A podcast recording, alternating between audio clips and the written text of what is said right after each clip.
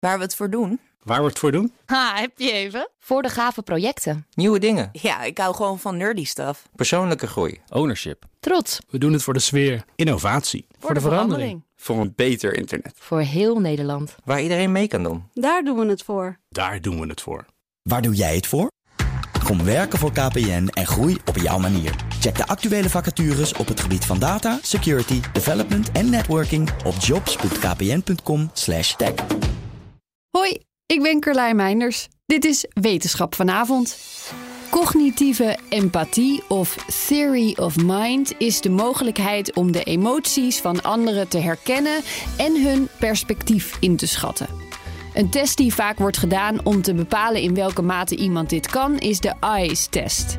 Proefpersonen krijgen foto's te zien van alleen mensen hun ogen en moeten dan een woord kiezen dat zo goed mogelijk omschrijft wat diegene op de foto denkt of voelt.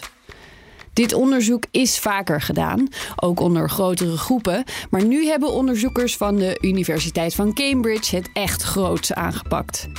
Aan hun studie deden meer dan 300.000 mensen mee uit 57 verschillende landen. Voor het eerst zijn er een flink aantal verschillende etniciteiten en culturele achtergronden meegenomen, net als veel verschil in leeftijd. Deze varieerde tussen de 16 en 70 jaar. Het onderzoek is onderdeel van een grotere zoektocht naar waarom sommige mensen het zo moeilijk vinden om de gevoelens van anderen in te schatten en de link met bijvoorbeeld autisme. Wat er uit het onderzoek kwam was onder andere dit. Vrouwen blijken gemiddeld een stuk beter te scoren op deze test. Dit is eerder al wel eens gezien en past bij het idee dat vrouwen empathischer zijn, maar nooit werd het in zo'n groot onderzoek aangetoond. Het verschil geldt voor veel, namelijk 36 landen, en werd gevonden in alle leeftijdsgroepen.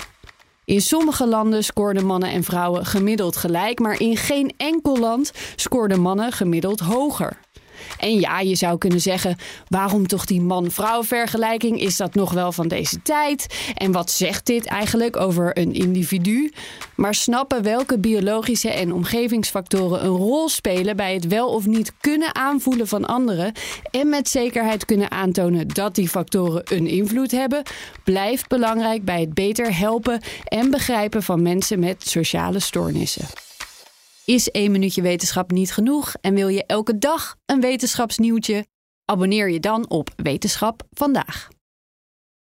Ook Hugo Reitsma vind je in de BNR-app. Superhandig die BNR-app. Je kunt alle programma's live luisteren, breaking nieuwsmeldingen. Je blijft op de hoogte van het laatste zakelijke nieuws. En je vindt er alle BNR-podcasts, waaronder natuurlijk de belangrijkste, Boeken zijn in de wijk. Download nu de gratis BNR-app en blijf scherp.